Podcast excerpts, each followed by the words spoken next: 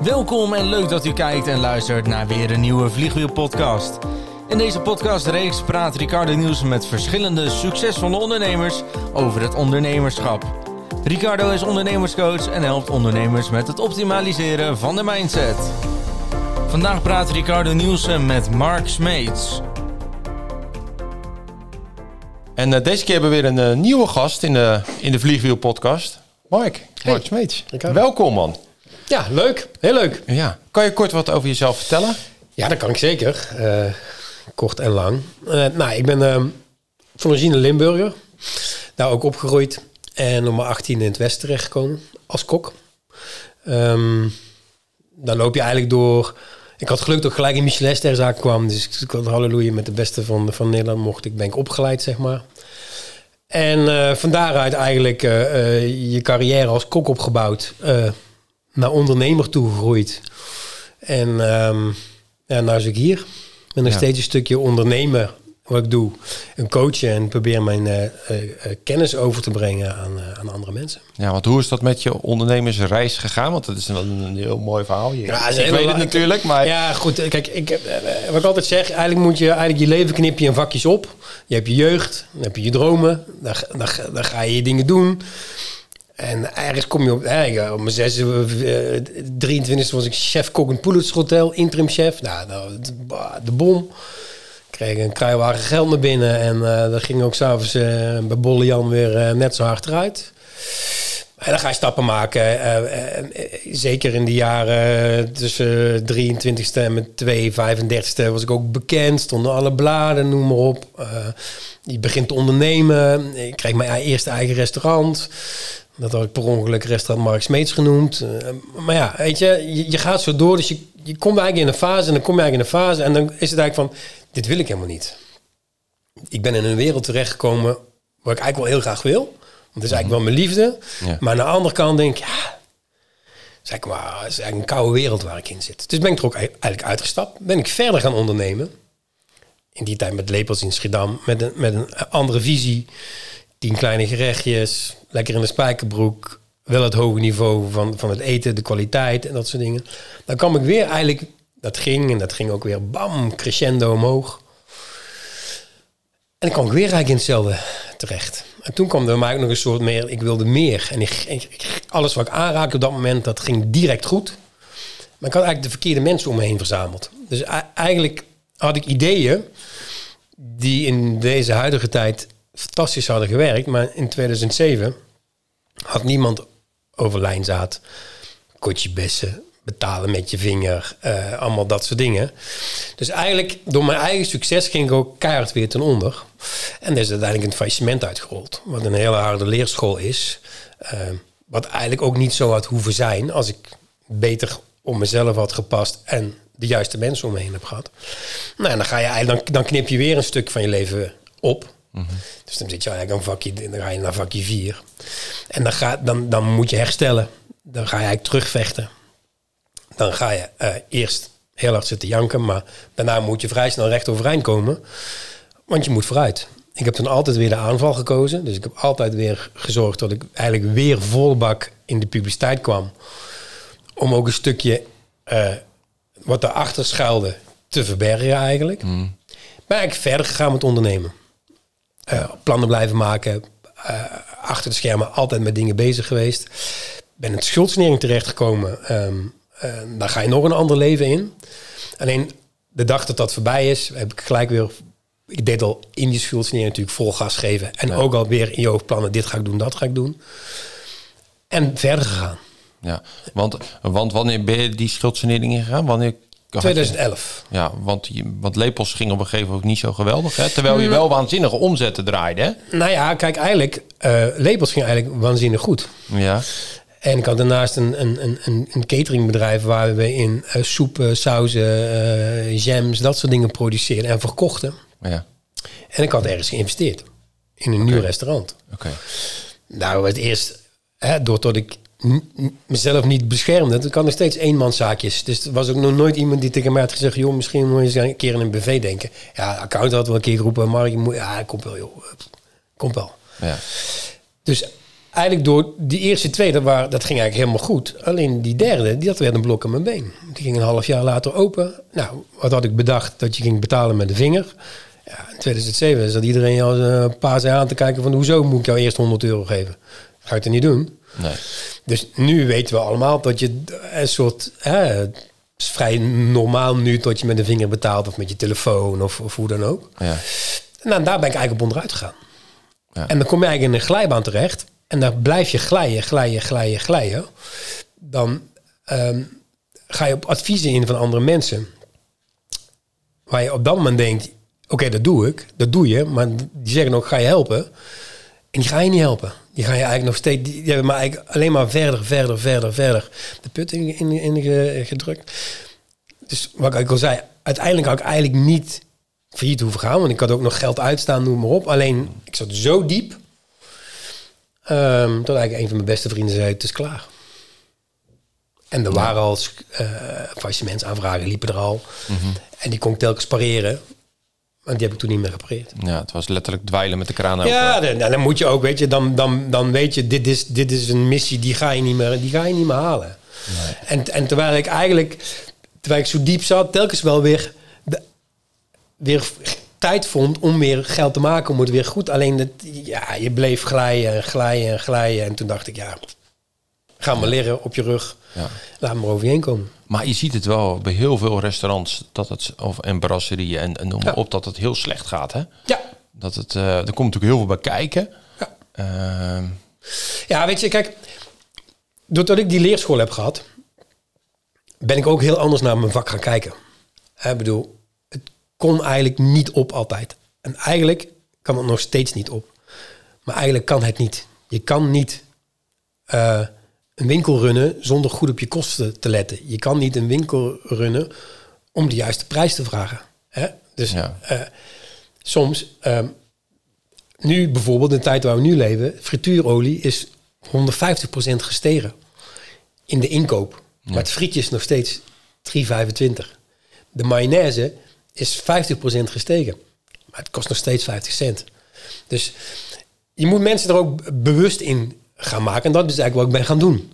Dus ik ben eigenlijk ehm, eh, gaan kijken van hoe zit het bedrijf in elkaar? Hoe zit het restaurant in elkaar? Hoe, hoe, hoe- wat, wat, doen, wat doen we nou met z'n allen? Wat zetten we om? Hoe, hoe gaan we om met de uren? Hè? Want vroeger was de horeca natuurlijk ook. En dat is ook een stukje ondergang van de horeca. En daar heb ik zelf aan meegewerkt. 9 uur beginnen, s'nachts om 1 uur naar huis. lange dagen. Lange dagen. En je kreeg maar acht betaald. Was altijd goed voor mijn personeel, want ik gaf ze wel een drankje. Ik kreeg eten mee. Maar ze hebben nooit de centjes gehad. Maar eigenlijk is daar al de kentering begonnen in de horeca. Hè, dat we eigenlijk dit deden, daar kregen we geld voor. Maar het moest eigenlijk dit zijn om dit te betalen. En we betaalden niet, waardoor we dit konden blijven doen. Ja. En eigenlijk hebben we zo eigenlijk ons personeel ook uitgehold. In dat heel ver. Gelukkig is die tijd helemaal anders. Hè? Gelukkig is die tijd nu hè, dat je veel meer eh, op de uren wordt gelet. De maatschappij is veranderd, noem maar op. Maar in de horeca is er toch nog af en toe een klein beetje een soort... Ja, moeilijk. Want het is nog steeds... Ik begin om negen uur, want ik heb vanavond om tien uur een partij. Ja. En daar werk ik de hele dag door. Dus dat is lastig. Ja. En ik probeer eigenlijk door... ehm, als je een restaurant hebt nu, maar je bent niet kok. En je hebt een kok in dienst en die doet het fantastisch. Maar na zes jaar zegt hij... Ricardo, ik vond het echt fantastisch. Ik ben weg. Dan komt de volgende kok om de hoek. En die zegt, ah leuk man, die carpaccio, maar die ga ik echt niet doen. En jij denkt in je achterhoofd, maar die carpaccio verkoop ik er honderd van per dag. Ja, lekker dan. Die stond op de kaart. Dat is juist misschien het Dat stukje dat ik... dat is juist ja. mijn moneymaker. Ja. Hij zegt, dat, dat doe ik niet. Dus die carpaccio verdwijnt. Ja. Dus eigenlijk verkoop, verlaat je, gaat je identiteit uit je zaak. Ja. Want die chef-kok die wegging, die heeft alles meegenomen. Ja. Dus je maakt je afhankelijk van zo'n kok. Ja. Dat doen heel veel restaurants. Ze maken zich afhankelijk van een kok. Iemand die in dienst is eigenlijk. Die, die eigenlijk... Nou, hij is eigenlijk meer de baas. Want als die wegloopt, dan... Is die weg? Ja, dan heb je dus een... Hebben ze niks, dan dan hebben ze niks. Nee, precies. Dat heb ik omgedraaid. Want eigenlijk heb ik dat vroeger in levens ook gehad. Hè. Heb ik een keer, eh, want ik ging steeds meer naar buiten en dingen doen. Dan gaf ik het over aan jongens in de keuken die dat met de beste bedoelingen deden. Maar dan kwam ik er ook weken later. Nee, maar dat wil ik helemaal niet. Ik wil gewoon dat je dit blijft doen. Ja. Dus wat ik nu doe is met de eigenaar praten. Dus ik, wat wil jij? Hoe wil je tot jouw zaak eruit ziet? Wat wil je op de kaart bestaan? Hoe wil je op de kaart bestaan? Ja, dus je gaat echt een visie bepalen. Dat Ja. doe ik ook in mijn trajecten altijd. Ja. Oké, waar wil je naartoe? Waar wil je naartoe? Hoe ziet het eruit? Ja, Eh, wat, wat ga je eraan uitgeven? Hoe is je, hoe is je doelstelling? Wat, is je prijsstelling? Wat is je kwaliteitsstelling? Nou, vandaar maak ik een kaart. Maak ik de menukaart. Oké, dus je maakt echt een Maak menukaart. hoe je het, of de, pak de huidige kaart erbij. Haal daar de goede eh, gerechten uit. Eh, in sommige gevallen, eh, eh, in sommige gevallen, maar dat is een andere dingetje, werkt een kleine kaart en in sommige gevallen werkt een grote kaart. Oké, Maar dan zal ik je straks vertellen hoe, hoe dat werkt. Ehm, dus je gaat kijken wat de behoefte is. Dan ga je in eerste instantie voor de eigenaar maak je de kaart. En die is de eigenaar van die kaart. ja. En dan mag hij bepalen wie er in de, wie er in de keuken komt. Oké. Dus, je, dus, de- dus je laat de eigenaar, dat is natuurlijk ook belangrijk, Ja. ondernemerschap, leiderschap terugpakken over zijn eigen zaak. Ja, en de- hij gaat tegen diegene zeggen die dan de leiding neemt in de keuken. Dat hoeft niet per se een chef-kok te zijn.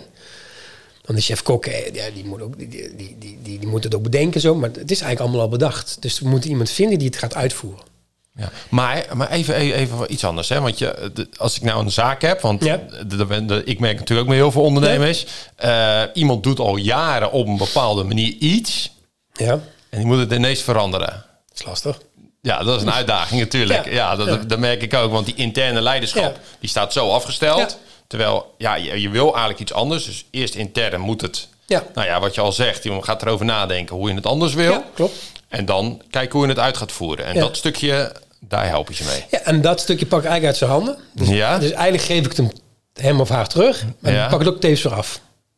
Ja, Want dan ga ik naar die keuken toe en dan zeg ik... jongens, dit is de kaart. oké. En zo gaan we het vanaf nu doen. En dan hebben we daar nog een aantal trajecten in. Hè? Want als je een kaart maakt, moet je die ook calculeren. Moet je de inkopen regelen. Moet je met je leveranciers om tafel zitten. En je moet ook even kijken wie je op een rij hebt staan. Heb je één kok, twee koks, drie koks, vier of tien koks. Maar wat doen die koks dan op een dag? Staan ze blokjes paprika te snijden? En doen ze dat de hele dag? Moet je nadenken, moet ik niet dat blokje ka- paprika uitbesteden? En bijvoorbeeld die kok iets anders laten doen. Waardoor die meer geld genereert voor je. Ja, ja. Heel veel bedrijven verliezen geld in mise en place uren. Dat zijn dode uren. Hoe noem je dat? Mies en plas? Mise en place uren, dus de voorbereidingsuren. Ja, ja, ja. Daar verliezen ze heel veel geld in. Want ze zijn vaak al vier, vijf uur aan het voorbereiden om het in drie uur te verdienen. Oké. En eigenlijk moet je het in vijf uur verdienen, maar dan, maar dan heb je al wel tien uur gewerkt. En dat kan we niet, want je moet dan eigenlijk binnen die acht uur blijven. Ja. Dus ik probeer altijd dan met de leverancier in samenspraak te gaan hoe we dingen kunnen aanleveren. Hè, dus eh, eh, ik ben opgevoed en opgegroeid met de vis zelf schoonmaken en zelf portioneren. Daar ben ik blij om, dat kan ik ook overbrengen. Dat stukje is weer een training die je afzonderlijk kan geven. Maar als ik een, een kaart kan, met, je kan die ook geportioneerd laten binnenkomen. Precies zoals je wil. Knip je eigenlijk weer mise en place tijd weg. Dus daar waar je eerst 14 uur op een dag bezig stond, knip je naar 13 uur. Nou, dan dacht het vlees ook geportioneerd binnenkomen. Na 12 uur. Dan komen de groenten geportioneerd binnen. En zo snoep je telkens af, waardoor je als ondernemer begin je al geld te winnen eigenlijk. Hè? Ja. Dan in bepaalde situaties spreek ik het af met leveranciers tot ze de recepturen aanleveren. Dus dat je zeg, zegt, eh, morgen gaan we tomatensoep maken, één keer tomatensoep. Waardoor de leverancier eigenlijk precies de gewichten in zakjes voor je doet, gesneden, gewassen. Waardoor je het proces heel makkelijk kan uitvoeren. En het scheelt natuurlijk ook een hoop derving, want je weet precies wat je nodig hebt. Ja, ik bedoel, daar gaat het al. Dus je, je Ja. koelkast ligt alleen maar vol met spullen die je, die je nodig, Nodig hebt. Dus, dus van daaruit geef ik eigenlijk... Dus die is er. Ik ga naar die keukenbrigade toe. En die gaan we coachen en trainen om dat op die manier te doen. Ja. En op die manier te gaan leren denken. Waardoor ze heel veel creativiteit in het bordje terug kunnen leggen. En je ziet, soms zie je de slordigheid in een bedrijf komen als het heel druk is. Dus als je in een restaurant zit en je eet er om vijf uur, dan krijg je een perfect opgemaakt bordje. En om acht uur zit die hut helemaal vol. En dan krijg je een bordje. En je moet juist dat constant, constant blijven doen. Je moet constant dat blijven behouden. Want daar kom jij op terug. Dat is mijn geld. Ja.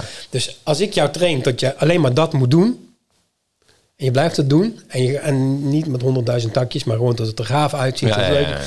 En zo train ik je product. Waardoor het altijd dezelfde keuken uitgaat. Altijd dezelfde smaak heeft. En welk tijdstip je, stip je ook binnenkomt. Aan de achterkant kun je heel makkelijk blijven eh, eh, eh, visie houden over wat de inkoop is. Heel veel mensen verliezen de controle over de inkoop. Ja. Omdat ze maar blijven kopen. ja, maar ook tussendoor natuurlijk... eh, Wat jij ook zei, want we hebben er net ook een gesprek Ja. gehad natuurlijk. Van tevoren af en toe gewoon even kijken van... hé, hey, wat kost dit, wat kost dat, wat kost dat? Ja, en wat ook nog is, als jij je kaart gewoon in, in vakjes hebt. Dus Ja. gerecht 1 komt dit, dit en dit en dit bij. Gerecht 2 komt dit en dit en dit bij. Hoef je s'avonds niet meer na te denken. Hoe ging het vroeger?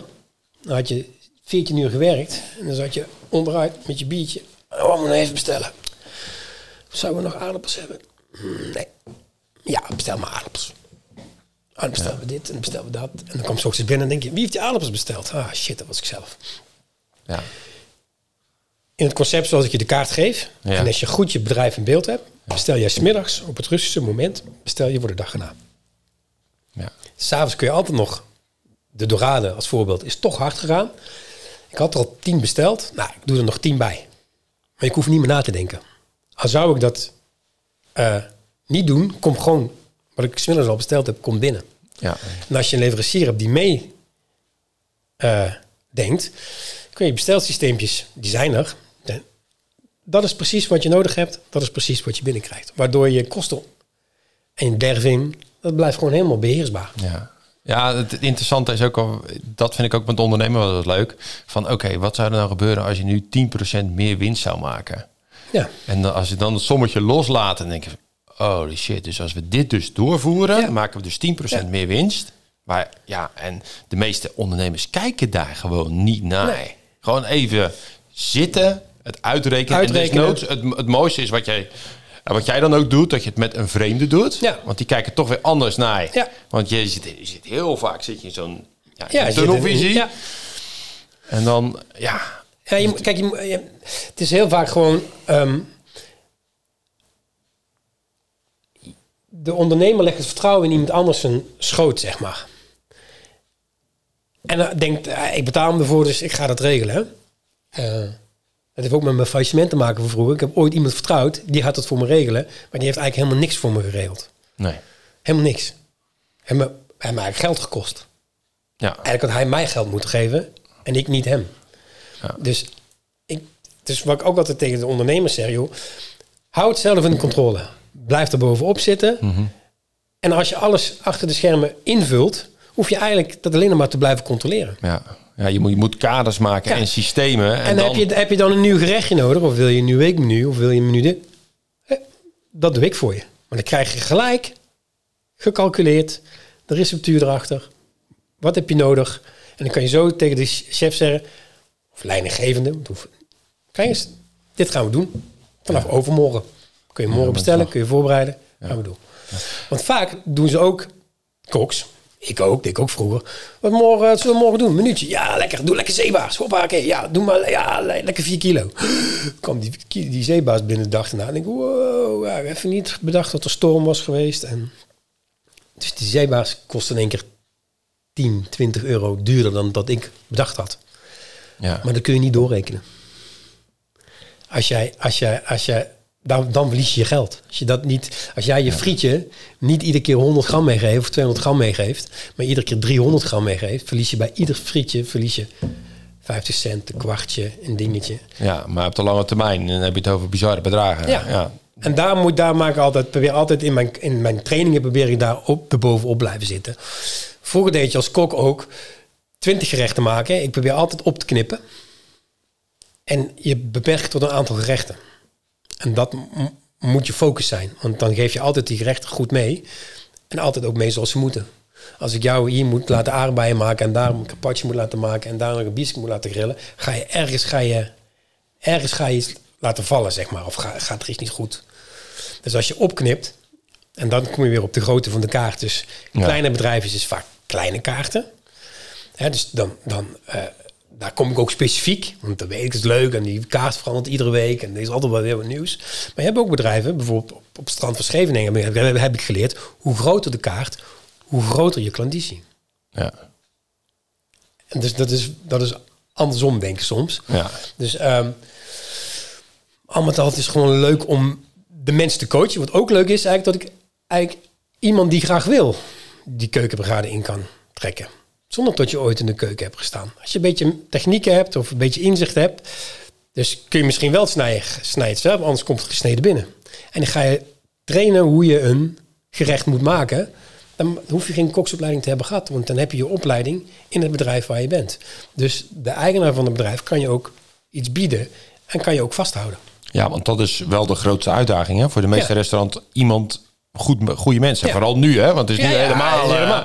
Kijk, wat er ook nog aan vast zit, hè, dat is buiten die kaart maken, hè, buiten het foodboek maken waarin je kan zien wat ik ook doe, eh, hebben we ook een app, zeg maar, die, die, die dan speciaal voor jou is ingericht.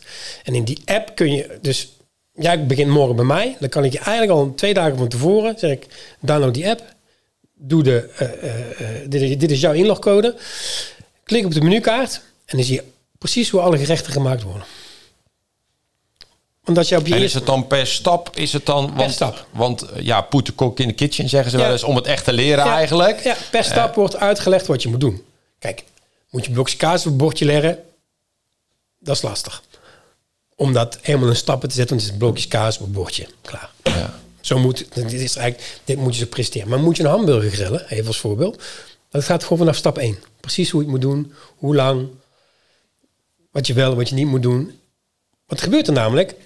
In veel bedrijven, Mhm. ik ben de nieuwe kok, we komen nieuw in de keuken werken. Het is er altijd druk, want we staan al onder druk. We staan al echt onder druk. Ja. Dankjewel dat je er bent, man. Super gaaf. Dit is de koude kant. Eh, dit is de menukaart.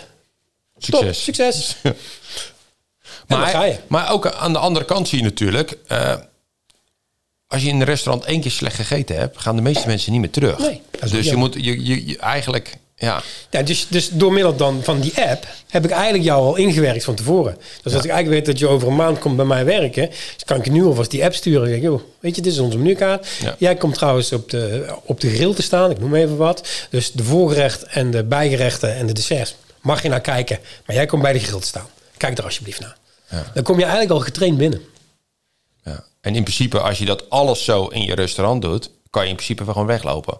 Dan kun je goede mensen inzetten. Ja. Bij wijze van. En je moet ook voor, als ik jou moet inwerken, kost jij mij geld. Ja, Dus ik, ik moet jou inwerken. Dus is het één dag, twee dagen, drie dagen. Maar eigenlijk moet je, als je, zoals het vroeger ging, als het gewoon alleen maar met praten gaat en dit is de receptuur, ben je drie, vier maanden iemand in het werken. Dat is drie, vier maanden dat je iemand geld betaalt die niet 100% terugkomt. Weet je, een beetje krom is het wel, maar diegene moet eigenlijk geld voor je genereren. En als hij na een week geld voor je kan genereren, dat is veel beter dan dat hij twee weken later nog aan je vraagt. Ja. Mag ik iets vragen? Eh, ik weet niet hoe dit moet. Weet je? En dan moet jij wel stoppen met je werk. Dan moet je weer gaan uitleggen. Het staat het bedrijf weer stil.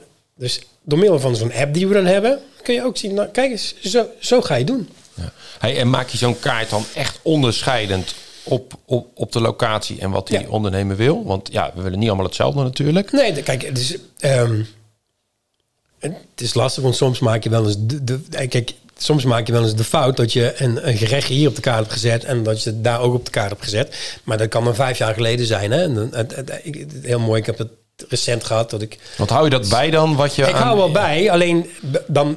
Dus je hebt een aantal gerechten, nou, die, die- daar heb je mee gewerkt, die, die heb je op een kaart staan ergens, dan vervallen al die gerechten. Dus ik had nooit nagedacht, zeven jaar later. Toen ik dacht, oh, ik kan die wel weer naar voren halen. Hè? Dan kan kijken wat ik eruit kan halen. Dan heb ik iets uitgehaald. Toen ik later langs het bedrijf liep, keek ik, oh, verdomd, het staat hier nog op de kaart. Ik heb het direct weggehaald. De, dus direct waar ik zat, gelijk ge- anders gedaan, noem maar op. Dus nee, er wordt, specifiek gekeken, weet je. En het maakt me ook eigenlijk niet zoveel uit in welke laag je zit. Van, van restaurants, of je in topsegment zit. Of eh, een topsegment ben ik zelf opgegroeid, dus kan ik ook met je meedenken. Maar ook in die hele grote middenmoot kan ik ook met je meedrinken. Wil je hamburgertje, wil je frietje, wil je kipsatéetje...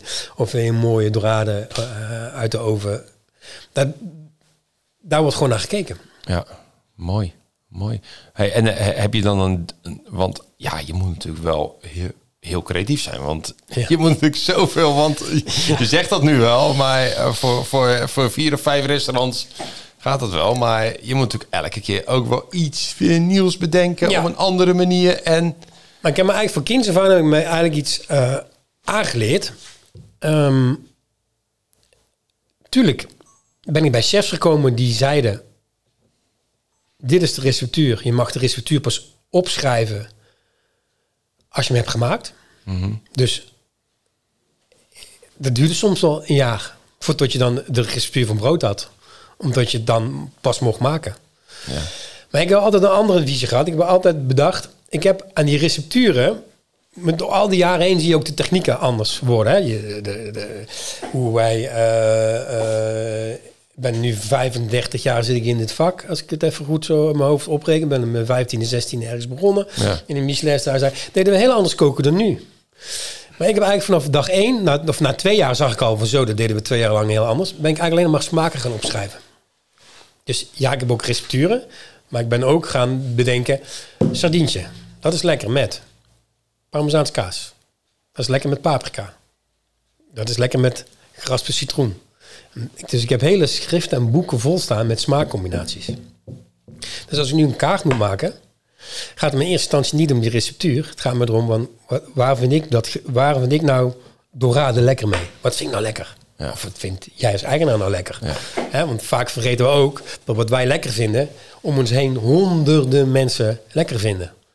Vaak is een, een goede champignonsaus, maar een goede champignonsaus veel lekkerder dan een gepriegeld sausje met heel veel moeilijke technieken erin.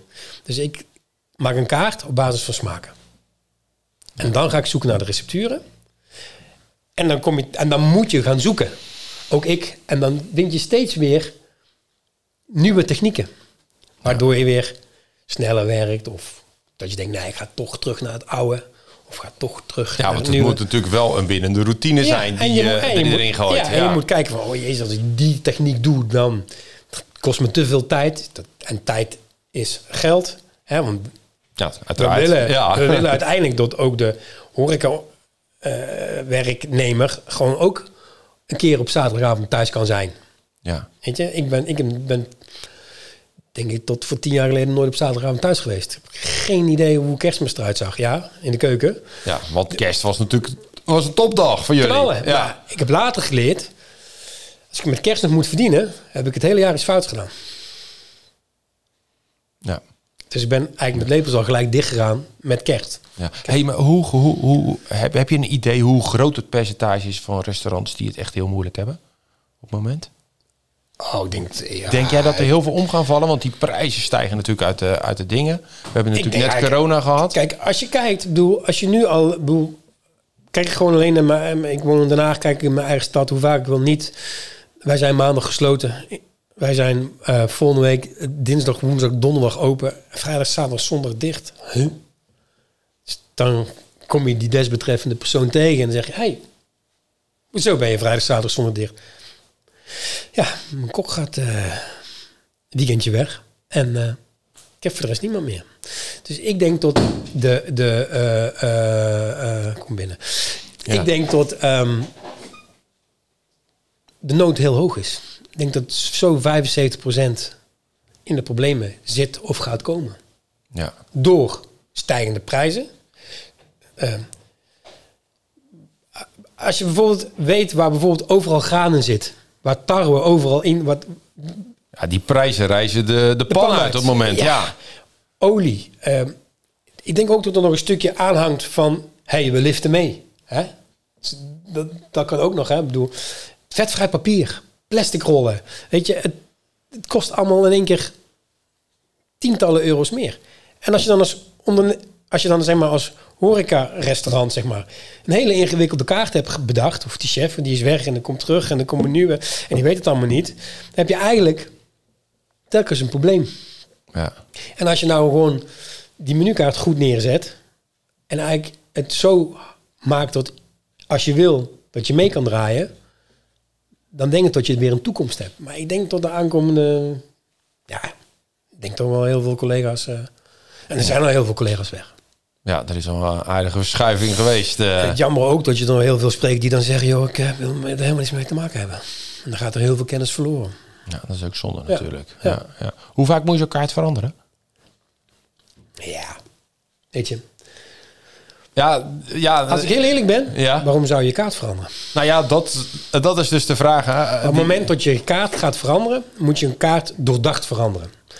Dus er zijn heel veel bedrijven die denken op vrijdagavond, we moeten de kaart veranderen. Dus die doen dan hals over kop drie, vier nieuwe gerechten. Is niet over nagedacht. Is niet over... eh, oh, eh, en die komen de volgende week. En dan kost het in één keer te duur. Moet- heb je al gecalculeerd? Nee, ik heb niet gecalculeerd. Ja, doe maar 12,50 joh. En dan denk ik, Ja. eh, weet je, zo gaat het heel, nog steeds heel snel. Ja. ja, en als je je cijfers niet kan en het scorebord niet bij kan houden, weet je ook niet of je voor staat. Nee, dus, ja, dus ja, en dan kom je vaak na drie weken, kom je erachter. Oh, fuck. Shit. Shit. Aan elkaar is gedrukt. Godverdomme. Ja. Weet je, dan heb je Ja, dus- gewoon dat gerecht gewoon geld op toegegeven. Ja, dan misschien. moet je gewoon geld bij. Je kan Ja. beter aan iemand zeggen, wacht even, hier heb je 5 euro, dankjewel man. Ja, neem dat maar niet. Ja, alsjeblieft. Ja, doe dat maar niet. Dus ik, ik heb eigenlijk ook al vrij snel, heel vroeger, ging er een nieuwe kaart in. Op een kaart staan gemiddeld 25, 30 gerechten. Mhm. Dan werd gezegd, volgende week vrijdag gaat de nieuwe kaart in. Ik kreeg dat zo op van die chef. En dan ging je daar naartoe werken met 30 andere gerechten. En dan donderdagavond. En dan vrijdag ging de nieuwe kaart in. 30 gerechten in één keer. 30 fouten, 30 fouten keer 60 gasten of keer 100 gasten. Gaat gewoon fout. De eerste dag gaat het fout. Kan niet anders. Want je kan niet in één keer 30 gerechten erin knallen. Dus ik ben zelf al vrij snel begonnen. Ik doe per week of per twee weken doe ik een nieuw gerecht. Nieuw gerecht, maar ja. voordat het nieuwe gerecht erin gaat, gaat het eerst in mijn menu. Dus dan kan ik zien in mijn menu hoe ga ik meegeven? Wat zijn mijn kosten? Moet ik daar 100 gram van maken? Moet ik er 150 gram van maken? Of moet ik er juist 80 gram van maken? Ja, want als jij natuurlijk met die verhoudingen gaat spelen, wat is goedkoper, wat is dingen. En je gaat zo draaien, Ja. dan ga je kijken, is dit gerechtje? Want dat vergeten ook heel veel mensen. Zeker als ze grote zaken hebben, dan hebben ze een fantastisch gerechtje bedacht. Maar als die honderd man in je zaak zitten, is het in één keer niet meer zo'n fantastisch gerechtje. Want, Want? dan heb je te veel handelingen, Oh, dat bedoel je, ja. te veel tijd. Dan gaat dat gerechtje veel te veel tijd kosten. Dus als je dat van tevoren allemaal al doet, dan ga je, wat ook heel veel ondernemers niet doen, eten dus zelf. Maar eet het nou niet zelfs middels een twee uur, maar vraag gewoon een extra gerechtje uit om acht uur op de heetst van de strijd. Heb je voor mij een zeebaars? Of niet voor mij, maar Mark, alsjeblieft een zeebaars, ben ik vergeten op tafel 12. Noem maar even iets. Dan komt de zee aan dat gerechtje eet je. Dan weet je wat de kwaliteit van je gerecht is. En van daaruit ga je sturen. En als je daar dan bent, dus op de vraag, hoe vaak moet een menukaart veranderen? Zou ik zeggen, je moet een basiskaart hebben, die moet je altijd hebben. Want waarom moet die, noem maar even tournedo met die lekkere saus, waarom moet dat van de kaart? Als dat lekker is, is dat lekker. Dan kom ik namelijk voor terug. En ik ben de, de gast, de klant, dus ik kom het geld brengen. Ja. Ik ben heel vaak in restaurants geweest. Daar heb ik dan verschrikkelijk lekker buikspek gegeten. En dan zit je, oh, dan zeg ik tegen even, kom, we gaan daarheen. Oh, daar hebben ze zulke lekker buikspek. En dan kom je daar, Geen buikspek. Nee. oh, Shit. shit. Hier, kom ik niet meer. Nou ja, en dan kijk je naar de rest van, maar dan ben je al gedesillusioneerd, hè? Want als je naar de rest van de kaart kijkt, denk je, ja, daar heb ik helemaal geen zin in. Ja. En ik zou op die buikspek komen. Dus ik, ik zeg altijd, hou je basis waar de mensen voor terugkomen, doe daarbij. Heb daarbij inderdaad één of twee veranderingen per maand, per week. Dan, dat is wie je bent. Maar als je die verandering doet, doe die verandering wel zo dat die vanaf de allereerste minuut geld voor je oplevert. Ja. En niet pas na drie weken. Nee, dat er gelijk geld verdiend wordt. In Dat er gelijk, die fout heb ik in het verleden ook vaak dat zelf gemaakt. Hè? Dus ik bedoel, Maar is, is dat dan vanuit de passie, vanuit...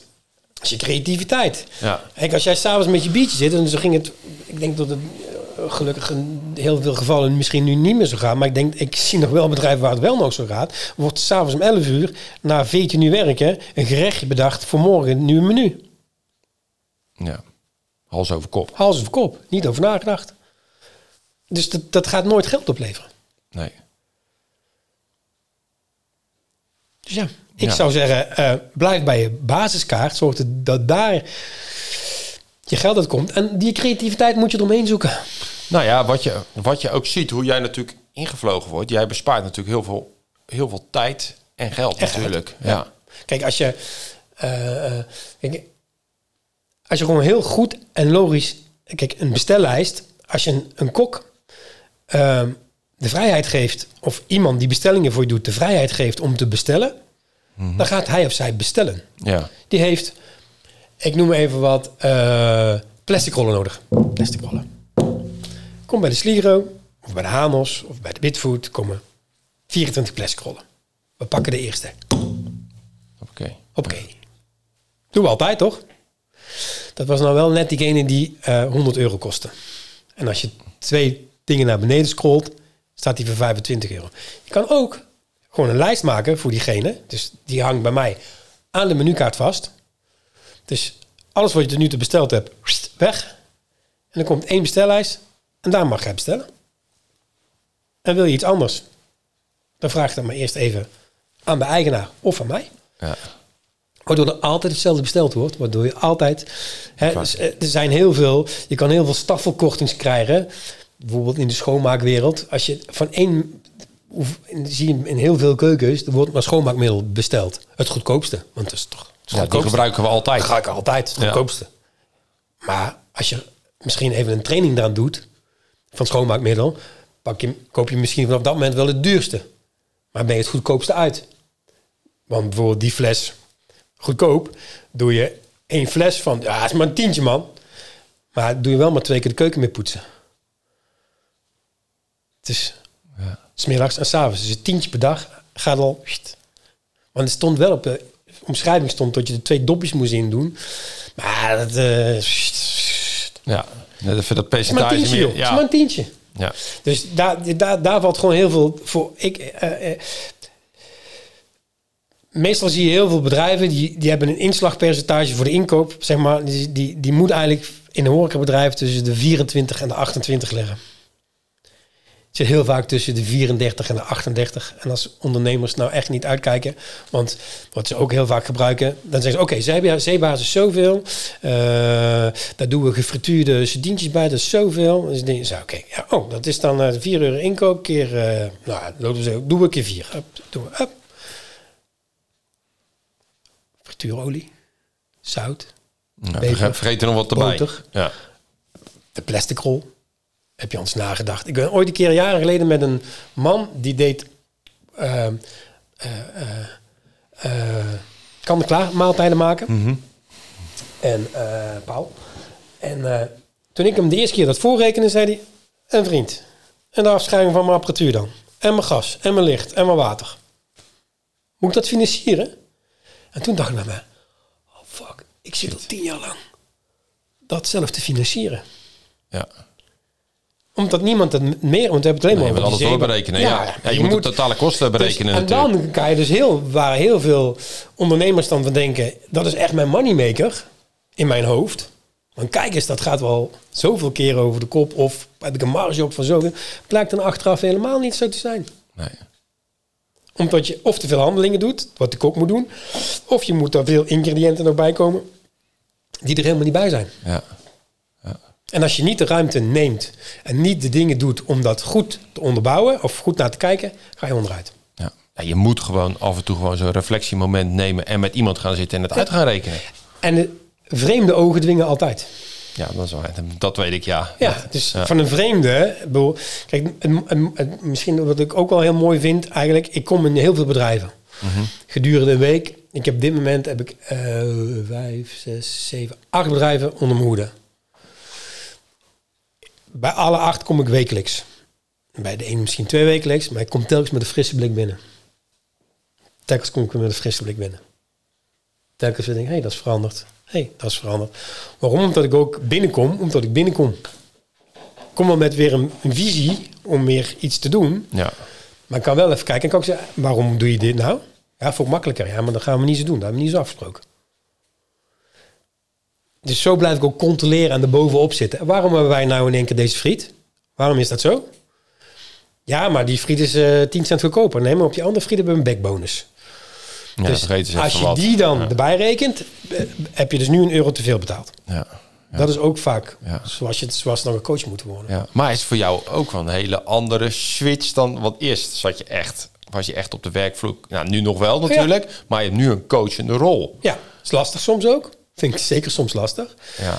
Omdat je ook de drive hebt om het dan heel snel op te pakken. En dan ja, is het easy. Weet je? Maar ja, je hebt wel met die bedrijfseigenaar te maken. Dus ja, dus ik moet dat wel op. Kijk, als iets neergezet wordt, dan ben ik er echt wel, sta ik echt wel twee, drie. Als er een echt een nieuwe kaart dan gaat, is het niet ook dat zo. Kijk eens, hier is die. Dit moet je zo doen.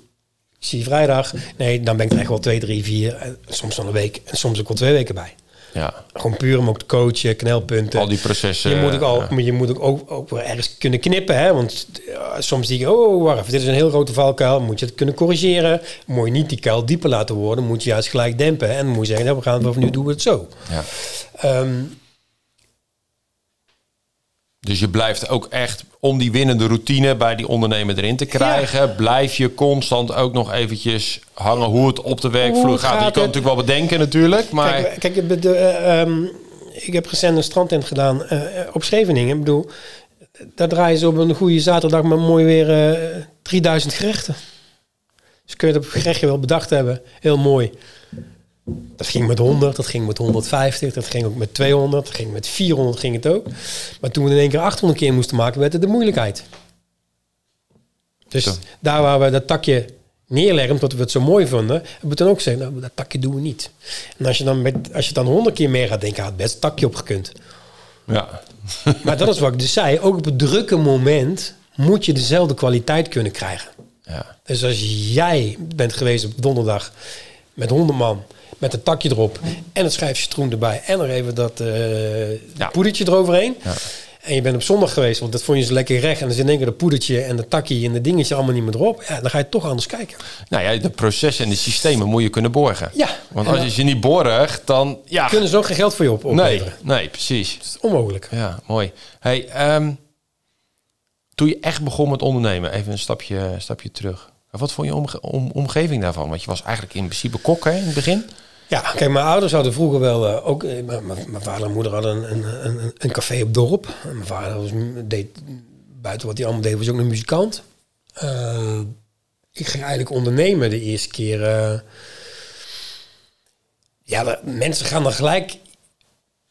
De ene helft zegt, super gaaf. Wat goed man. De andere zegt, heb je er wel goed over nagedacht?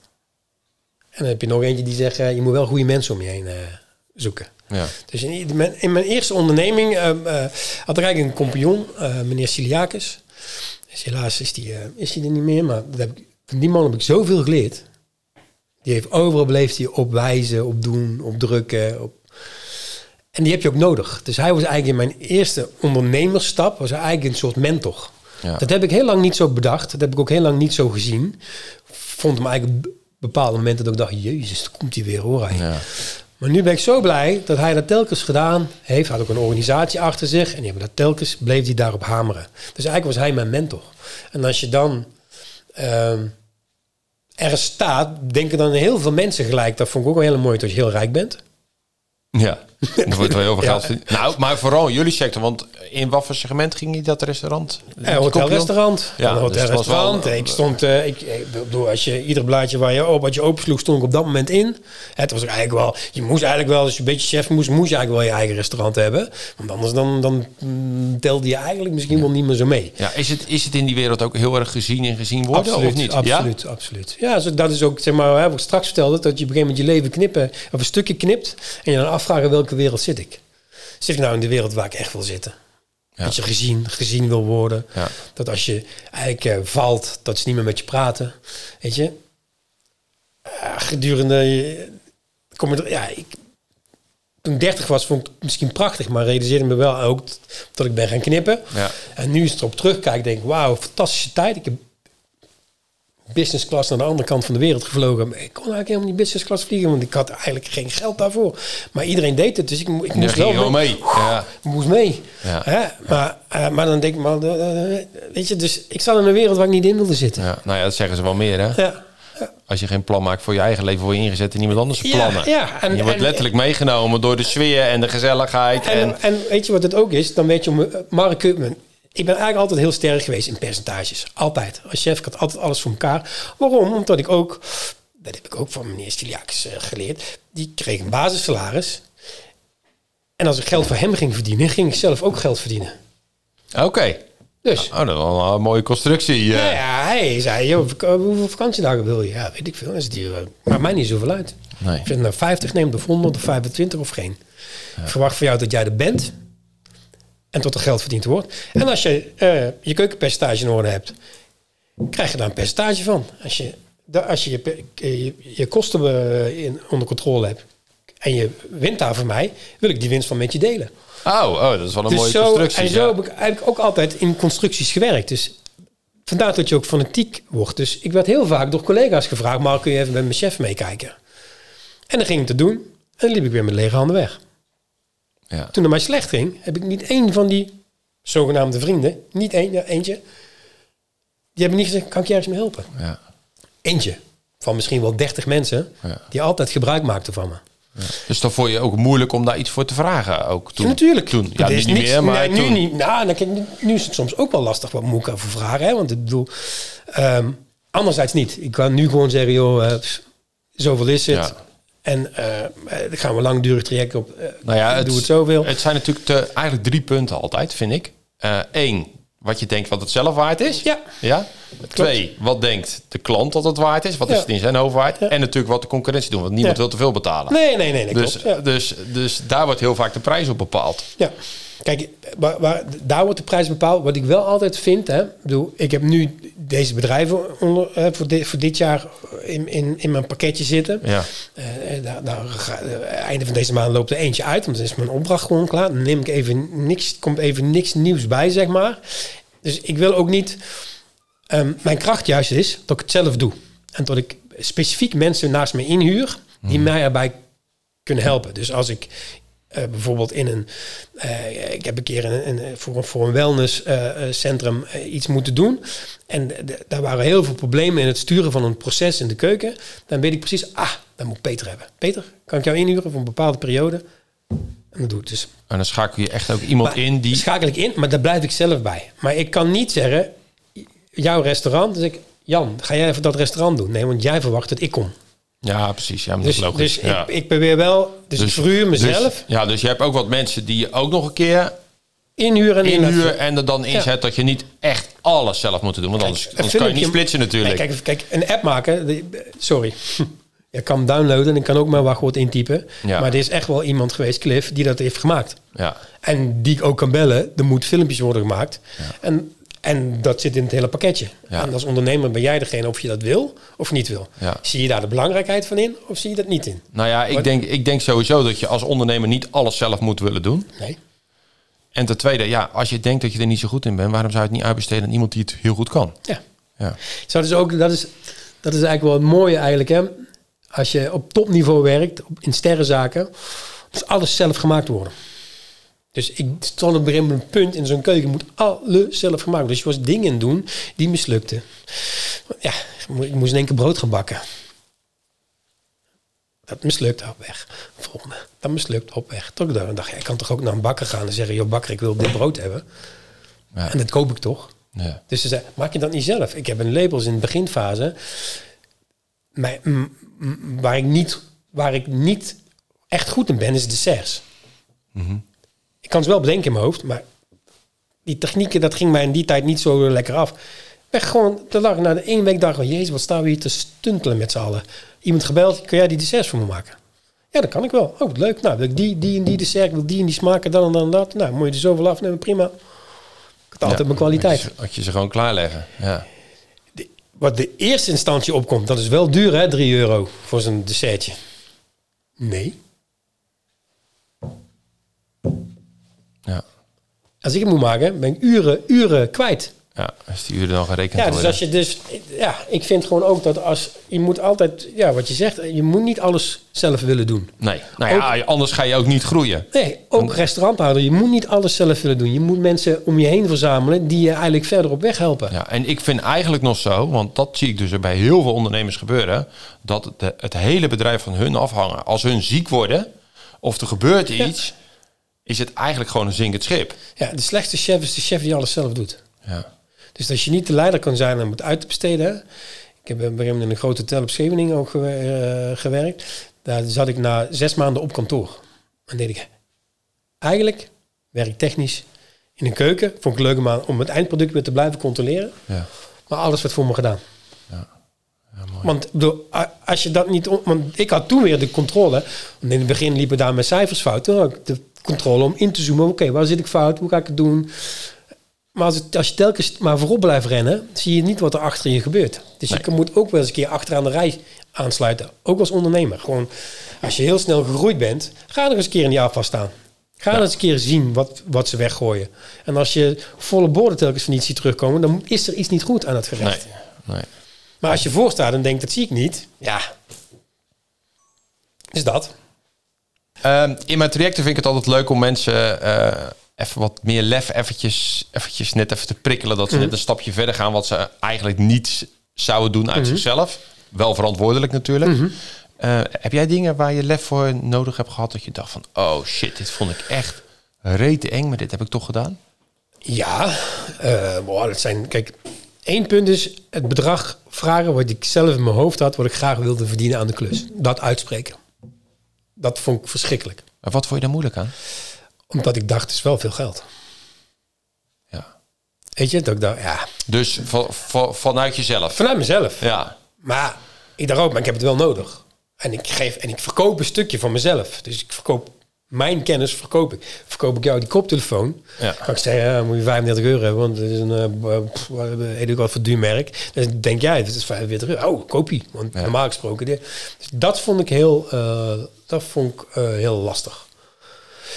Daar ben ik door coaching van vrienden om me heen, kameraden die dan die me, joh, maar in het begin hebben hun het ook gedaan. Hè? Ik heb in het begin toen ik echt mee begon, mijn eerste klussen. Dus eigenlijk altijd mijn adviseur komt. Oh, dat is echt zo. En daar ging, en daar ging een vriend van me naartoe en die kwam dan en die, die regelde dat dan eigenlijk. Ja, ja.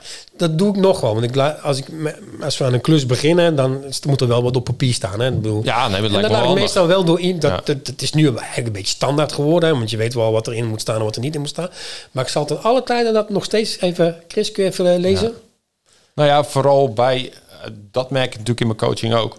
Dat je in het begin vraag je een bepaald bedrag. Als je dat een hele tijd gevraagd hebt, dan weet je niet meer beter. Want Nee. dan is het het gewoon waard in, Ja. jouw, in jouw hoofd. Ja. ja. En ja, het begint wel bij jezelf hoe je het gaat vragen. Want ga jij zeggen van nou, dat kost je dat en dat. En mensen zien je twijfelen. Ja. En ja, je, je hebt wel ondernemers tegenover je. Dus die Ja, denken van ja, ja, nee, oh, ja. ja, hij dan niet denkt ja, dat het niet waard en je- is. en je waarom moet- zou ik het dan doen? Ja, en je moet ook... eh, eh, ja, je, wat je zegt, als ik zeg, ja, ik, heb, misschien wil ik wel eh, 25 euro.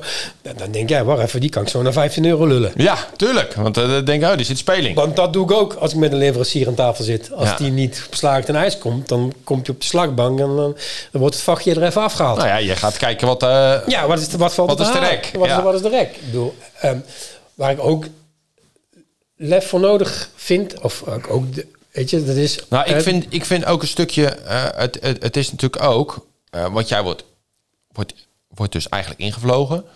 eh, het, het, naar het stukje kijken. En dat vergeten heel veel wat het oplevert. Kijk, als jij kan zorgen dat zo'n restaurant 15% meer eh, winst kan draaien. op bepaalde stukken. Ja, moet je eens kijken wat dat per jaar oplevert. Ja. En, kijk, wat je en eigenlijk moet je die som wel maken. Ja, kijk, je moet ook, kijk, ik heb ook eens met een ondernemer gezeten. Dus ja, hoe, hoe krijg ik daar meer klanditie? Ik zei, nou, ik zou eerst kijken hoe, wat je nu hebt, dan moet je behouden. En als je dat behoudt, en dus daar nu je inslag 40% is, en je kan dat naar 30% brengen, en je behoudt, dat behoud je, probeer dat eerst te behouden, hou die kwaliteit strak, ga kijken hoe en wat, en ga dan groeien. Het is heel makkelijk om morgen te groeien, want dan ga je stunt eh, dingen. Hè. We hebben natuurlijk eh, de Groupon-acties en dat soort dingen. Er zijn natuurlijk ook heel veel ondernemers onderdoor gegaan. Want je moest hier de korting verlenen, maar die, die slager die verleende jou geen korting. En die die bleef precies hetzelfde. En gas, licht en water bleef alleen maar stijgen. En de Groupon-deal was dat je de helft vrij, vrij weggaf. Maar er was niemand die jou iets teruggaf. Nee. Dus is er altijd, weet je, in sommige gevallen zijn ondernemers zijn heel open en die zien dat wel. Maar sommige zeggen, ja, hoe krijg ik dan meer klanditie? Hoezo? Ik ga je meer, meer omzet eh, genereren. Nee, ik ga niet meer omzet genereren. Dat, dat moet je eigenlijk zelf doen. Maar het kan wel zorgen dat je kosten, dat je meer geld gaat overhouden. Ja. Dus met, met wat je hebt. En ga dan kijken, hoe ga ik verder groeien? Ja, nou ja, wat, je, wat natuurlijk heel veel restaurants wel ook een stukje laten liggen, is de social media die gratis is. Als jij een beleving maakt van dat je restaurant elke keer vol zit en eh, je, hebt, eh, je, je maakt sommige foto's wat bij jou, de manier hoe jij het Ja, presenteert, ja. echt kunstwerken zijn, ja, dan, dan heb je natuurlijk... En als je dan binnenkomt en je kan het waarmaken, hè? Want ik bedoel, er zijn Ja, ook... oké, dat is Stop, ook nog Er een zijn ook waar. heel veel bedrijven. Ik ben, dit is een, een bedrijf, daar ga ik geen naam over noemen, maar daar, daar moet ik zijn. En die deed op een donderdagavond een filmpje posten dat ik dacht... hey, wat leuk, we gingen toch starten. Laten we daarheen gaan. Daar is nu, eh, daar is lekker gezellig druk. Ja. Toen kwamen we binnen. Het was niet zo druk. Nee, nee ja, je moet er niet over liegen. Hè. Het moet wel film- eerlijk zijn. Hè. Ja, moet was, wel het eerlijk was een filmpje van een paar weken geleden. Ja. En denk bij mij, je moet niet liegen. Maar als jij gewoon... Als je staat voor wie je bent... en staat voor je kwaliteit... dan pak je vanzelf het rendement. Ja. Nou ja, de de juiste- kwaliteit wint altijd, zeg ik altijd. En als je daar de juiste mensen omheen eh, eh, zet... komt het vanzelf eruit. Ja. Ja. Weet je waar je ook lef voor hebt eh, moeten hebben? Is de eerste keer duizend man weggeven. ja. Kom maar wel bij kijken, ja. Afgelopen jaar werd ik drie weken voordat er een gala was, 500 couverts gevraagd. Maar doe jij dat? Kun je me helpen? Ik zit in de shit. Wil, niemand wil het doen. Niemand kan het doen. Hoe moet ik het doen? En ik zei, ah, dat doe ik wel. Dat is mijn eerste ingeving. Daarna heb ik drie nachten wakker gelegen. Want dan gaat je, ra- gaat je radar beginnen. Oké, oké, oké, oké, oké. Shit. Shit. Die anderen hebben natuurlijk niet voor niks gezegd. Ik doe het niet. Nee. Die heb ik niet, want dat waren ook gerenommeerde mannen en bedrijven. Waarom niet? Ah, geen personeel. Ah ja, geen personeel. En dus dan komt eigenlijk het lef van, ik ga het doen. En ik heb het uiteindelijk met de school samen gedaan. Met ROC Mondriaan. Oh, wat lachen. Dus weet je, dan komt er een hele andere samenwerking komt er tevoorschijn. Dus dat vond ik altijd wel stappen. Kijk, en dan kun je, ik heb hem in mijn leven al 2.500 man meegegeven, drie gangen. En weet je, al dat soort momenten, dat zijn lefmomenten in je leven. Ja. Want je gaat wel ervoor zorgen dat 2.500 mensen eigenlijk binnen een x aantal uur tijd te eten gaan krijgen. 800 mensen. Weet je, in Koeras deden we partijen van 800, 900 man. En die allemaal hetzelfde mee moesten gaan voor mij. Want dat is mijn, ik ben, ergens ben ik ook nog autist. Dus dan, dan moest allemaal hetzelfde mee en moet allemaal dit. Dat vind ik lefmomenten. Lefmomenten om dingen te doen die nog nooit iemand gedaan heeft. Ja. Gewoon, en dan zeggen, dat doe ik. ja, en je weet hoe je meer lef krijgt, hè? Nee, vertel eens. Nee, door een positieve voorstelling ervan te maken. Want als jij hem negatief gaat maken, ga je het niet doen. Nee, maar als je, als je ergens... Want dat deden die, eh, ah, want dat deden je collega's. Ja, die dachten kijkt- van shit, ja, dit Ja. gaat nooit lukken. Nee. Dit en dit en dit en dit Ja, komt erbij. en ik heb me op die momenten ook wel eens... De, ik zei ja, en dan kwam ik hier het moment dat ik dacht... Godverdomme, Mark. Nee, Shit. Shit, shit, shit. Dan heb ik altijd geleerd... eh, een stukje rust creëren bij mezelf. Mhm. Dan kom ik eigenlijk... eh, ik ben... eh, ik rookte vroeger als een ketter. Ik ben aan een avondcursus geweest van iemand. En die liet mij de ademhalen door mijn buik. En me daarop concentreren. En daar werd ik heel erg rustig van. Die techniek gebruik ik nog steeds. Dus op het moment dat je eigenlijk op, het, op die hoogste punt komt van hoe ga ik dit doen? En dan ga ik hem, breek ik hem af en dan knip ik hem in stukken.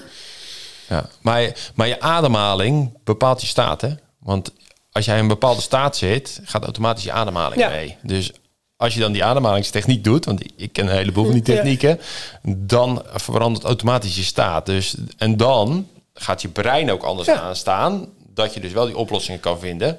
Dan kom je uit de fight-or-flight system, hoe je, de manier hoe je denkt. En dan kan je dus wel logisch nadenken. Want Mhm. Ja. dan kan het bloed wel naar je hersens en dan kunnen die neuropaden in jouw hersens kunnen wel. Als je dan acht punten voor je neus hebt liggen en drie punten kun je niet oplossen, moet je die drie punten door een ander laten oplossen.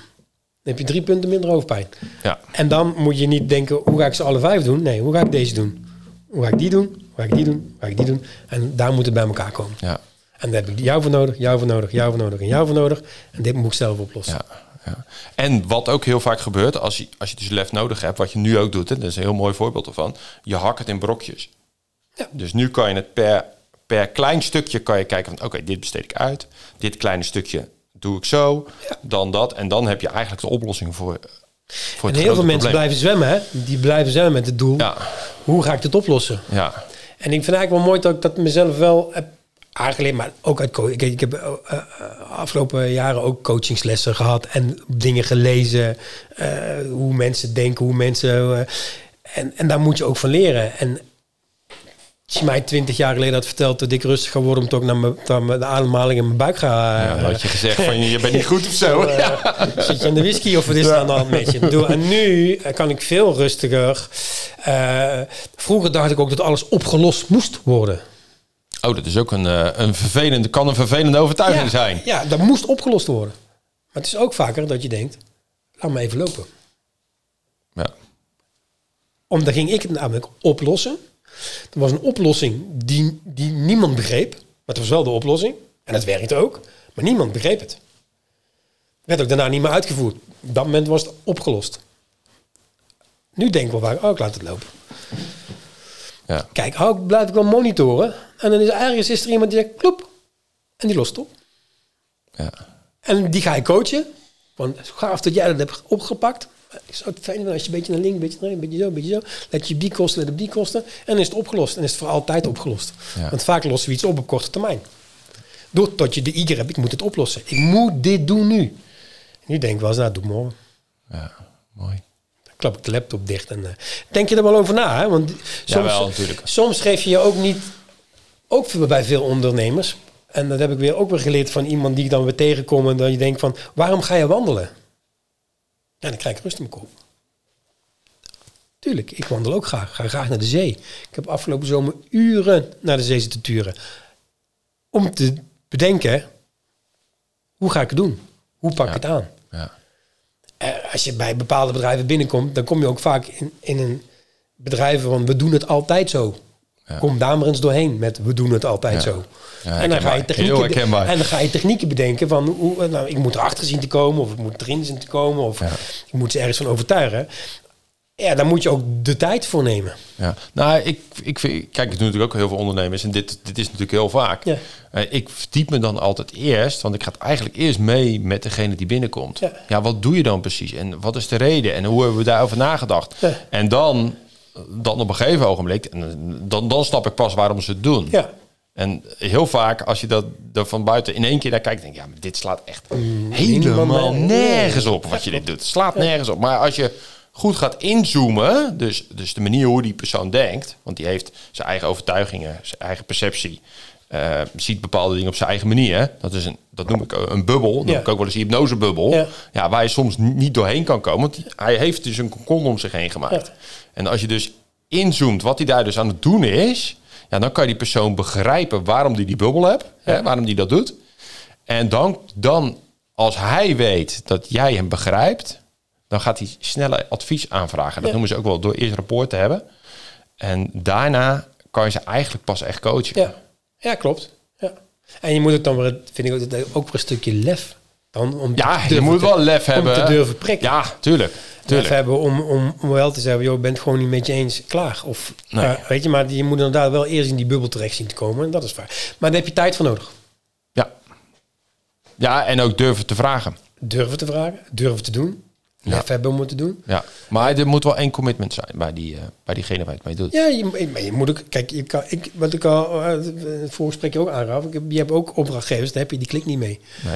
En dan kun je blijven vechten omdat je denkt, het is een opdrachtgever, die moet hem tevreden stellen. Nou, ik, die ga ik nu tot een bepaalde hoogte tevreden stellen. En dan moet je elkaar ook kunnen zeggen, geef elkaar een hand. Ja.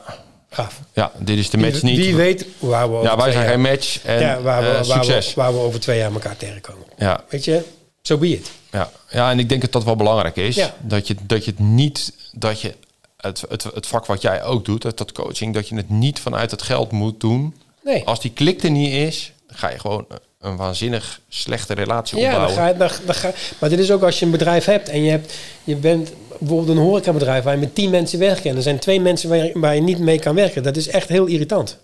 Ja. Als, als eigenaar zijn. Als je twee mensen in dat kleine team, want hè, tien man over zeven dagen en twee dagen vrij, nou, dat zijn er niet zoveel per dag. En je hebt er dan net toevallig de dag tot die twee man waar je niet mee kan werken, tot die er zijn. Dan denk ik, ja, waarom ga je daarmee verder? Ik bedoel, Ja. en vaak is ja, maar ik kan niemand anders vinden. Mm, dat klopt, maar je bent ook niet in het zoeken.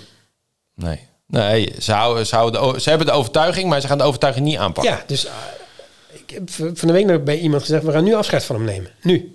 En dan zit die en- en- we gaan nu afscheid van hem nemen. Nu.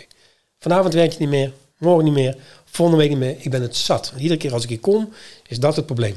Ja. Probleem, neem er nu afscheid van. Jij moet even netjes afhandelen. Ja, sorry, gaat je geld kosten. Over een paar weken ben je me dankbaar, want dan levert je het je geld op. Want dan komt de nieuwe frisse wind naar binnen. Die komt er eigenlijk soms wel, soms niet. Maar of er staan wel andere mensen op in een team. Hè? Dus soms knip je iemand weg. Denk je, oeh, er valt een gat. Maar er valt geen gat, want er komt juist iemand in een hoek. ja, nou het is voor een ander natuurlijk ook een kans. Ja, Tuurlijk, dat is de kans om naar voren te gaan. Want Ja. Vaak trek je dan iemand die in de afwaskeuken staat. Die komt dan vaak een keuken binnen. Of die gaat vaak mag ik achter de bar. Of die gaat vaak... Weet je, dus Ja. je moet soms ook durven, het lef durven te hebben als ondernemer. Zeggen, ik stop hiermee, klaar. Ja. Je hebt bezorgd me hoofdpijn, ik wil het niet. Tot ziens. Ja, en als je, ja, ja, je moet aanspelers om je heen hebben. Ja. En als, als, als een, iemand energie slurpt en Nee, de ja, maar klik je- er niet is, dan heb je geen aanspeler om je heen. in een team, ik coach altijd een team, moet één of twee leiders hebben. En de rest moet je hele goede knechten, waterdragers. En in alle vormen moet je ze hebben. Ja. En die moet je op alle vormen kunnen inzetten. Ik heb laat op laat ik iemand eh, eh, de bestellingen controleren. Die is pietje precies op de cent. Die weegt het nog zelfs na. Weet je hoe vaak er 9,990 gram in zit? En er wordt 10 kilo gerekend. Kun je zeggen, ah, 10 gram, 20 gram, 100 gram. Nee, dat is je geld. ja, vooral als het met aantallen is. Ja, sorry, ik had keer. geportioneerd. Het was wel, eh, ja, het, het moet eigenlijk 300 gram zijn, maar ze zijn nu allemaal 350 gram. Is toch niet erg? Jawel. Want iedere, iedere stukje vlees dat ik meegeef, verlies ik 50 gram. Ja, En ik kan niet zeggen, hey, vandaag is die biefstuk eh, 3 euro duurder. precies. Daar moet je bovenop blijven zitten. Ja. Hey, maar je bent ook echt een ondernemer, want je hebt ook nog een eigen productlijn. Hè? Ja. Kan je daar wat over vertellen? Ja. Dat is misschien wel even leuk. Ja, dat is even weer de hele andere kant. Hè? Want Ja. ik moet mezelf ook blijven triggeren. Hè? Ik, heb, ik wil niet over... Ik, ik, eh, eh, eh, 14, 15 jaar geleden deden we taste food. En daarna gingen we eigenlijk naar de boer. En ehm, haalden we eigenlijk producten weg. Ik kan het anders vertellen. Wij zijn gewend om te vertellen... ik wil 20 appels hebben. En die boer die zorgt dat je 20 appels krijgt. Maar die had ook nog 10 appels van een ander liggen. Dat kan hij niet aan jou verkopen. Dus ik heb het toen omgedraaid. Dus heb ik gezegd, ik heb een product. Ik heb een bepaalde eh, lijn in, in appels, peren, brood, kaas, dingen. Maar ik bepaal wat je krijgt. Eén dag in de week, dan ga je verkopen. Houd je alles verkocht, krijg je de volgende week een klein beetje meer. Verkoop je niet, krijg je de volgende keer een klein beetje minder. Geen waste. Van daaruit ben ik, kwam ik erachter dat bijvoorbeeld tomaten... er een overvloed in het Westland weggaan. Liggen daar. Gebeurt niks mee. Ondertussen zijn er al heel veel bedrijven zijn daar wel mee aan de slag gegaan om op. Dus ik ben toen eigenlijk begonnen met het maken van jams. Van tomaat, van, van gekwetst fruit, van knoflook, van, van, van, van alles en nog wat. Alleen dan kom je ook in de wereld van jam en dan weet je dat het in één keer geen jam meer mag heten, omdat jam moet een bepaald aantal suikers hebben. En dan pas mag het jam heten. Nou, ik ben bijvoorbeeld nu, ik, ik ben tomaat. Dat is eigenlijk mijn, mijn lijn die nu eigenlijk het, meeste loopt. En het hardste loopt ook eigenlijk. Dat is eigenlijk een tomatenproduct van resttomaten. Van gekwetste tomaten. Hè. Vergeet niet, bij de Albert Heijn we nog steeds dat er zes tomaatjes aan zo'n stokje zitten. Dat houdt in dat als er vijf van zitten, dat, dat, Dat die eruit dat vliegt. die eruit Ja. gaat. Hè? Dat gaat gelukkig bij de supermarkt nu ook wel beter. Dat dat, dat ook alweer in, in bakken en dingen ligt. En de Lidl en de Aldi zijn er iets sterker in, dat soort dingen. Maar ik ben eigenlijk dat gaan maken. Ik heb gewoon eigenlijk een salsa ge- eh, gemaakt met, die ik met, zoals je een gerecht op smaak brengt met zout en peper, breng je het, het gerecht wel op smaak met suiker. Hè, want suiker is eigenlijk een smaakversterker. Dus ik wil niet dat het zoet smaakt, maar ik doe net zoveel suiker toevoegen tot het, tot het, product, het product wordt. Dus een tomatenjam zit ongeveer tussen de 6 en de 12 procent suiker in. Dat varieert, omdat het, de zoetheid van de tomaat ook iets ermee te maken heeft. Of de zoetheid van de aardbei. Dus dat heb ik gemaakt. Het is een gekoeld product. Ja, het loopt als een trein.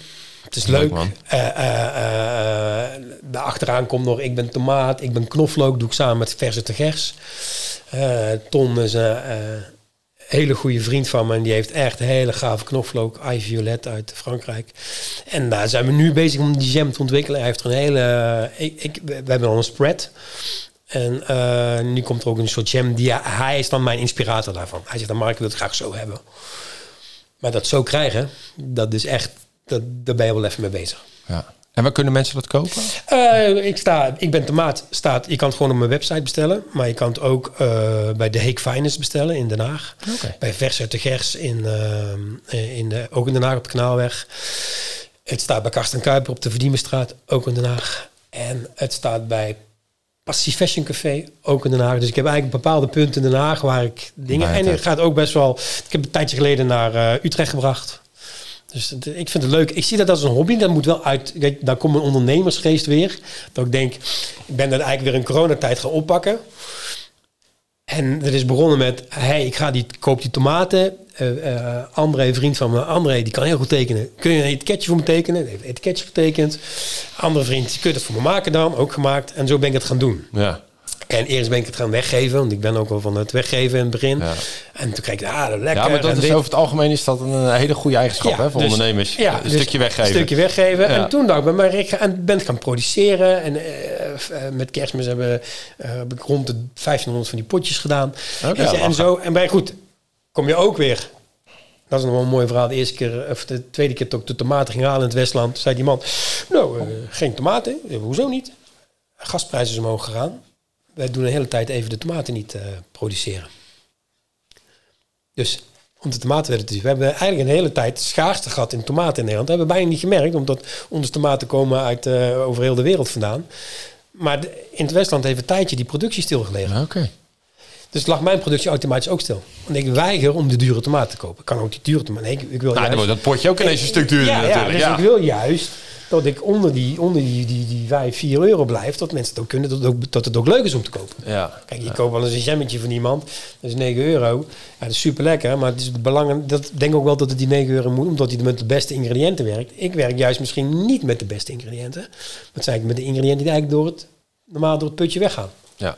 En die maak ik wel lekker. Ja. Dat vind ik leuk. Maar dan heet ik Ben. En daar bedenk ik dan ook weer een kledinglijn bij. Ja. En dan komt er een boek over. Ja, en dan komt er dit over. En dan komt er dat over. Dus dan ga je helemaal Die weer... ondernemersgeest Ja, en, die dan komt ook, en dan moet ik mezelf ook, net als dat ik dan bij een restauranthouder of een hotelhouder of een cateringhouder op de rem trap, moet ik ook op mezelf op de rem trappen. Mijn vrouw trapt af en toe op de rem. Ze zegt, hallo, koekoek. Joe, doe eens even normaal. Of doe even... eh, en, en, en soms, eh, ik heb het ook even stilgelegd een paar maanden gewoon, om daar ook wel over na te denken van, hoe ga ik het doen? Hoe moet ik het doen? Hoe knip ik het op? Eh, weet je, we gaan nu naar de kerstpakketten toe. Oké, eh, gaaf. Ik heb aanvragen. Kan ik dat bedienen? Maar ik heb natuurlijk ook mijn acht bedrijven nog die ik... Die je ook moet bedienen. Die ik ook moet ja. bedienen. Ja. En waar krijg je het meeste energie van? Ja, de afwisselendheid.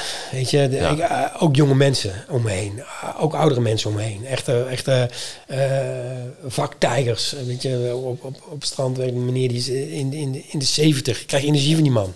Ja. Maar die komt, die hoeft het niet meer, die hoeft het niet meer, maar die staat daar van alles nog te doen. Vind ik fijn, maar ik kan ook gewoon energie krijgen van de jeugd om mij. Maar ik kan ook energie krijgen als ik gewoon naar, naar het strand ga en, en kijk, hoe gaat het?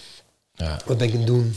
De zee, de dingen, de natuur. Ja, Daar waar je als kind dacht, toen je vader zei, we een bos gaan wandelen. Die zei, we gaan weer een bos wandelen. saaie bedoeling. Saaie bedoeling, zeg maar. En nu, want ik zeg het nu tegen mijn zoon, die zit maar aan te kijken, joh, eh, Ja. ben game, hè. En nu doe ik het zelf. Ja. En dan word je rustig van. Genieten van de momenten. Daar waar je in je leven je ook als ondernemer heel vaak voorbij rent. Omdat je denkt, ik heb er geen tijd voor. Hè. Ik heb vier kinderen. Ehm, mijn eerste drie zijn ouder. Hè. Ik heb 21, eh, 19 en 16. En ik heb eigenlijk veel te veel van hun gemist. Ik heb nu een dochter van, van acht. Daar probeer ik van te genieten. Ja. Vroeger durfde ik nooit te zeggen... Als er iets was met mijn kind... Of durfde ik niet, maar dat... Ja, ja. Ja, maar je ziet het heel veel gebeuren. Hè? Je wordt natuurlijk door de enthousiasme, het ondernemerschap. En terwijl je de andere eh, pilaren eigenlijk die belangrijk zijn. Ja. Je gezondheid, Ja. eh, familie, Familie, Dat je die ding. gewoon verwaarloost Ja. gewoon. Toen mijn moeder 50 werd, toen mijn moeder 65 werd, ben ik allemaal niet bij geweest. Omdat ik dacht dat ik moest werken. Ja, is te belachelijk. Nu denk ik erover. Dan Ja. dacht ik, ja, het is ja logisch toch? Die rekening En- moet en betaald worden zo en gaan. opgegroeid. En dit is ook de relatie met mijn ouders. Hè? Want Die van, ja jongen, eh, is oké. Maar nu denk je, jezus man, wow, wat is dat nou voor iets? Ja. Weet je? Haasten. eh, eigenlijk, toen ik daarbij wakker geraakt ben geworden, was ik eigenlijk chef in het koerhuis. Hè? En hadden we altijd meetings. Die waren altijd om negen uur. En eh, eh, Kiki heeft een hele tijd gehad tot ze... Het heeft een eigen willetje. Dus en als dat dan te snel ging, ging ze echt volledig met de kont in de krip. Dan kon je doen en laten wat je wilde. Maar ze Ja. ging echt geen meter meer naar links en geen meter meer naar rechts. Maar doordat ik die drive had, ik moet op negen op die meeting, moet op die meeting, moeten zijn, moeten zijn, moeten zijn. Ging zij natuurlijk, ik moet niet, ik moet niet, ik hoef niet. Dus precies het tegenovergestelde doen. Dus ja. dat werd alleen helemaal strijd. Ja. Totdat ze op een gegeven moment zo onhandelbaar was, dat ik echt geen uitweg meer zag om de directeur te bellen en zei, joh Marcel, eh, ik kom wat later. Oh, waarom? Nou, mijn dochter, sorry man, ze is totaal onhandelbaar. Ah, maar, maar waarom? Dat is toch geen probleem? Nou, eh, zullen we afspreken? Half elf? Toen kon het ineens wel. Terwijl jij dacht Nee, van... maar ik, ja. het heeft, had altijd gekund. Ja, maar Alleen jij ik dacht had dat in het mijn niet hoofd kon. zitten, dat kon niet, dat kan niet, dat mag niet, dat kan niet, dat kan Nee. niet. En dit- Vanaf dat moment hebben we altijd om half elf die meeting gehad. Is dat Weer die bubbel hè, waar je, in, waar je in Als getrokken dat toch wordt. voor jou makkelijker is, joh, wat doe je nou zo moeilijk? Ja, maar het is echt een bubbel waar je in zit. Waar die overtuiging in zit van ik moet, ik moet, ik moet, ik moet, ik moet. En als ik vroeger een aanvraag kreeg waar ik om tien uur moest zijn, dan zei ik, ja, is goed. Nou ja, oké, dan ga ik dan niet naar de zwemles van mijn dochter. Ja, precies. Dan gooi je dat paaltje, pilaatje gewoon Dat om. skip je ja. weg. Ja. Oh, ik zou met mijn vrouw even dat gaan doen. Nee, skip ik weg. En nu denk ik, nu, jij mij vraagt, hoe laat spullen afspreken? Zeg ik, ja, wacht, ik moet eerst naar de voetbaltraining van mijn zoon, zeven uur. Ben ik bij je. Ja. En iedereen om je heen doet dat begrijpen. Ja. Dus als je soms zit je in die bubbel dat je denkt van, mijn god. Ik vind dat je daar, ja, dan moet je, dan moet je je rust. En, en als je dat soort stappen maakt, dan vind, je, dan vind je ook je creativiteit weer terug. En dan vind je ook je rust weer krijgen. En dan word je positief. Ik bedoel, eh, gisteren heb ik met mijn dochter eh, samen staan koken en doen. En, en dan staan echt dansen genieten. en genieten. En daar krijg ik energie van. Dan zit ik vol met energie. Daarnaast, zij ligt te slapen, klap ik mijn laptop open. En dan maak ik, heb ik zo een menukaart gemaakt. Ja. Ja, maar dat komt omdat je de lekkere energie zit. Je zit in een lekkere flow. Volledige vrijheid in je Ja, hoofd. ja. Gaan. Ja, precies. Niet meer over dingen nadenken waar je toch, toch niks meer aan kan doen. Ja. En ik, mag dat, ik vind dat het ondernemerschap ook wel eh, vrijheid mag betekenen. Vind ik De ook. manier hoe je denkt. Ja, de manier hoe je denkt, de manier hoe je doet. Luister vooral naar andere ondernemers, daar, uit andere branches ook. Want vaak haal je juist van uit andere branches, eh, krijg je een hele andere invalshoek in je eigen branche. Daar, daar haal ik ook heel veel energie uit. Ja. En mensen die out of the box durven te denken, gewoon die iets, die iets doen. Ik heb een vriend die heeft een Michelin-sterrenzaak en die is maand tot en met vrijdag, staat er zondag dicht. Huh? ja. Dat kan toch niet? Jawel. Ja, zo, zie je toch? zo behoudt hij zijn personeel. Iedereen, iedereen is blij. Ze zijn allemaal het weekend vrij. Ja. En werken van maand tot en met Ja. vrijdag. Ja, als ondernemer mag je je eigen regels maken, toch? Ja, maar dat is wel gaaf. Dus je moet wel durven lef hebben. Om out of zaterdag Ja. en zondag zijn nog steeds de twee dagen in de horeca. Dat is normaal top. Dat het normaal Ja. top moet zijn. En die Ja. doe je dicht. Ja, mooi. Dat vind ik gaaf. Ja, mooi. Dankjewel voor deze mooie Ja, podcast. leuk. eh. Leuk om zo Ja, even... waar kunnen ze jou vinden, Mark? Als eh bent? Eh, mvlcooking.com. Dat is mijn website. Of ikbentomaat.nl. Daar eh, kun je me vinden. En daar vind je ook eens... eh, dat is wel nog, staat wel nog weer in de stijgers. Hè, want ik ben nooit tevreden over, me, over eh, wat ik dan weer in mijn hoofd heb zitten. Dus we zijn nu weer bezig met een nieuwe website. Er komen nieuwe logo's aan. Met die app zijn we bezig, wat ik zei. Dus Ja. dat komt goed. Volop in processing. ja, voor ja. processing. Of je kan me ook gewoon op Instagram volgen met Mark Smeets. Ja, precies. Dus, eh, ja. En ik denk dat je een berichtje mogen sturen ook als je, Altijd, als je, als altijd. je misschien wat voor je iets kan dingen, betekenen. Als Ja. vrienden die iets kan betekenen, heel graag. Ik vond het heel leuk dit. Ja, dankjewel. dankjewel, eh, Mark. Dankjewel voor Super. deze leuke podcast. Thanks. Dit was de Vliegwiel podcast voor deze keer. Vond u deze podcast leuk? Blijf ons volgen. En wil je meer weten over Ricardo Nielsen? Ga dan naar de website www.meerwinstdoorhypnose.nl Tot ziens!